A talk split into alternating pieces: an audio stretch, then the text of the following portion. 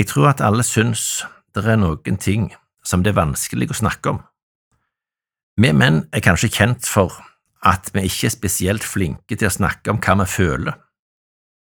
I den tida som vi lever i, så virker det som flere enn før er redd for å si det de mener.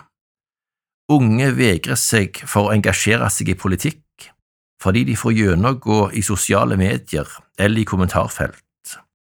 Mange unge studenter tør ikke si til folk at de er kristne, eh, for de regner med at eh, reaksjonene blir så veldig negative på det. Jeg ønsker meg et samfunn der det er lov å si det du mener, uten å bli mobba eller hengt ut. Selvsagt skal vi tåle diskusjon og debatt, men det bør være med en respekt for at noen tenker og tror på en annen måte enn meg. Det er et uttrykk i Bibelen som jeg synes er en veldig god veiledning for oss som tror at Bibelen er sann. Vi skal være true mot sanninga i kjærleik. Det uttrykket finner vi i Efeserbrevet 4,15. Sannheten tro i kjærlighet. Hva betyr det? Det må jo handle om at eh, vi skal si det som står i Bibelen, og holde fram det som, som den sier. Men det må kunne merkes på oss at vi har omsorg for de som vi snakker til. Jeg synes vi finner et fint eksempel på det i Filipperbrevet kapittel tre. Jeg har sagt dykk det ofte, og nå sier jeg det med tårer, at mange lever som fiender av Kristi kors. De ender i fortaping, de har magen til Gud, de ser si ære i si skam, og de er bare opptekne av jordiske ting. At mange går på den veien som fører til evig fortapelse, det er noe som får tårene til å presse på hos Paulus. Hans inderlige ønske er at de skal bli redda fra en vond evighet, og når vi leser om Paulus, så ser vi at han var villig til å gjennomgå både forfølgelse, fengsel og mange vonde og vanskelige ting, fordi han bare måtte reise videre med det ordet som har makt til å frelse mennesket. Det er en del mennesker som får beskjed om at de har en alvorlig sykdom. For mange har det stor betydning hva måte de får den beskjeden. Er det en som viser medfølelse, som forstår at det er ikke en lett sannhet å få greie på, så kan det gjøre situasjonen litt bedre. Men blir det sagt på en kald og ufølsom måte, så blir en vanskelig situasjon verre enn den trengte å være. Bibelen sier jo en hel del ting som treffer oss, som avslører oss som syndige mennesker, og som ikke er noe kjekt å høre, egentlig. Men Bibelen sier at det ordet som dømmer oss, har som mål at vi skal søke frelse og bli frelst. I Romerbrevet 3 så står det i vers 19 og 20, Vi veit at det som lova sier, gjelder de som har lova, så hver munn skal teie og hele verden står skyldig for Gud. Ingen blir rettferdig for Gud på grunn av gjerninger som lova krever. Lova gir bare at vi lærer synda å kjenne. Hvorfor er det viktig å stå skyldig for Gud, uten noen unnskyldning? Hvorfor er det viktig å få en, en slags lukka munn der jeg ikke har noen ting å argumentere mot, men bare se det at jeg er skyldig, jeg fortjener å, å bli straffa for min synd, jeg fortjener ikke å få noen premie.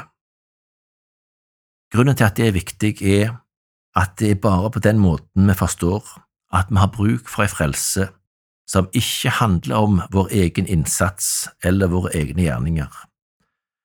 Det som en lege som forteller en pasient at han er syk. Det er ikke fordi at eh, han skal bli lei seg av å si dette, men fordi han må forstå at han trenger behandling imot denne sykdommen. Når Bibelen sier at noe er synd, så er det ikke for å være stygg mot oss, men for at vi skal bli frelst. Jesus han elsker alle, men det betyr ikke at alle blir frelst. Da må hver enkelt av oss se at vi er skyldige for Gud, og komme til Han og bli frelst. Hvis du lever i løgn, da må du bekjenne din synd og vende om ifra den. Hvis du lever i baktalelse, da må du bekjenne og vende deg ifra det. Lever du i et seksuelt forhold som ikke er et bibelsk ekteskap med en mann og ei dame, så må du bekjenne din synd og vende om fra det. Lever du i bedrageri eller som tjuv, så må du bekjenne det og vende om ifra det. Synda som vi ligger unna for, kan være forskjellig, men når Gud peker på synd i livet vårt, så er det kjærlighet. Han vil vi skal få tilgivelse. Han vil vi skal få del i evig frelse. Derfor er det òg at han viser oss vår synd. Etter disse versene som sier at det er nødvendig å forstå at vi er skyldige for Gud, så kommer løsninger på det som vi ikke selv kan fikse. I Romerbrevet 3 vers 21 Men nå er Guds rettferd åpenbæra uten lova, om den vitner lova profetene. Dette er Guds rettferd, som blir gjeven ved trua på Jesus Kristus, til alle som tror. Her er det ingen skilnad, for alle har synda, og de er uten del i Guds herligdom. Men uten at de har fortjent det, blir de sagde rettferdige av Hans nåde på grunn av utløsninga i Kristus Jesus.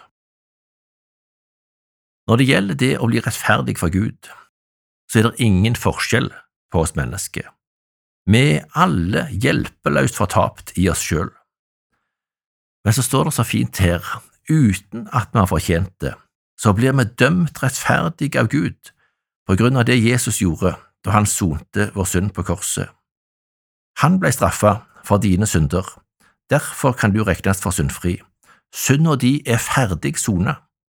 Du kan ta imot det med å tro på at Jesus døde for deg. Det er nok, det som Jesus gjorde. Det er nok, det som han har sagt. Han har sona de synd den store og deg vunnet så rein ei drakt. Det var Sverre Hovda som delte Guds ord med oss i dag i serien Over en åpen bibel. Serien produseres av Norea, og vi tilbyr forbønn hver fredag formiddag. Mellom klokka 9 og 11.30 kan du ringe oss på telefon 38 14 50 20. Det var 38 14 50 20. Eller send oss en melding på Facebook eller til vår e-post post alfakrøllnorea.no.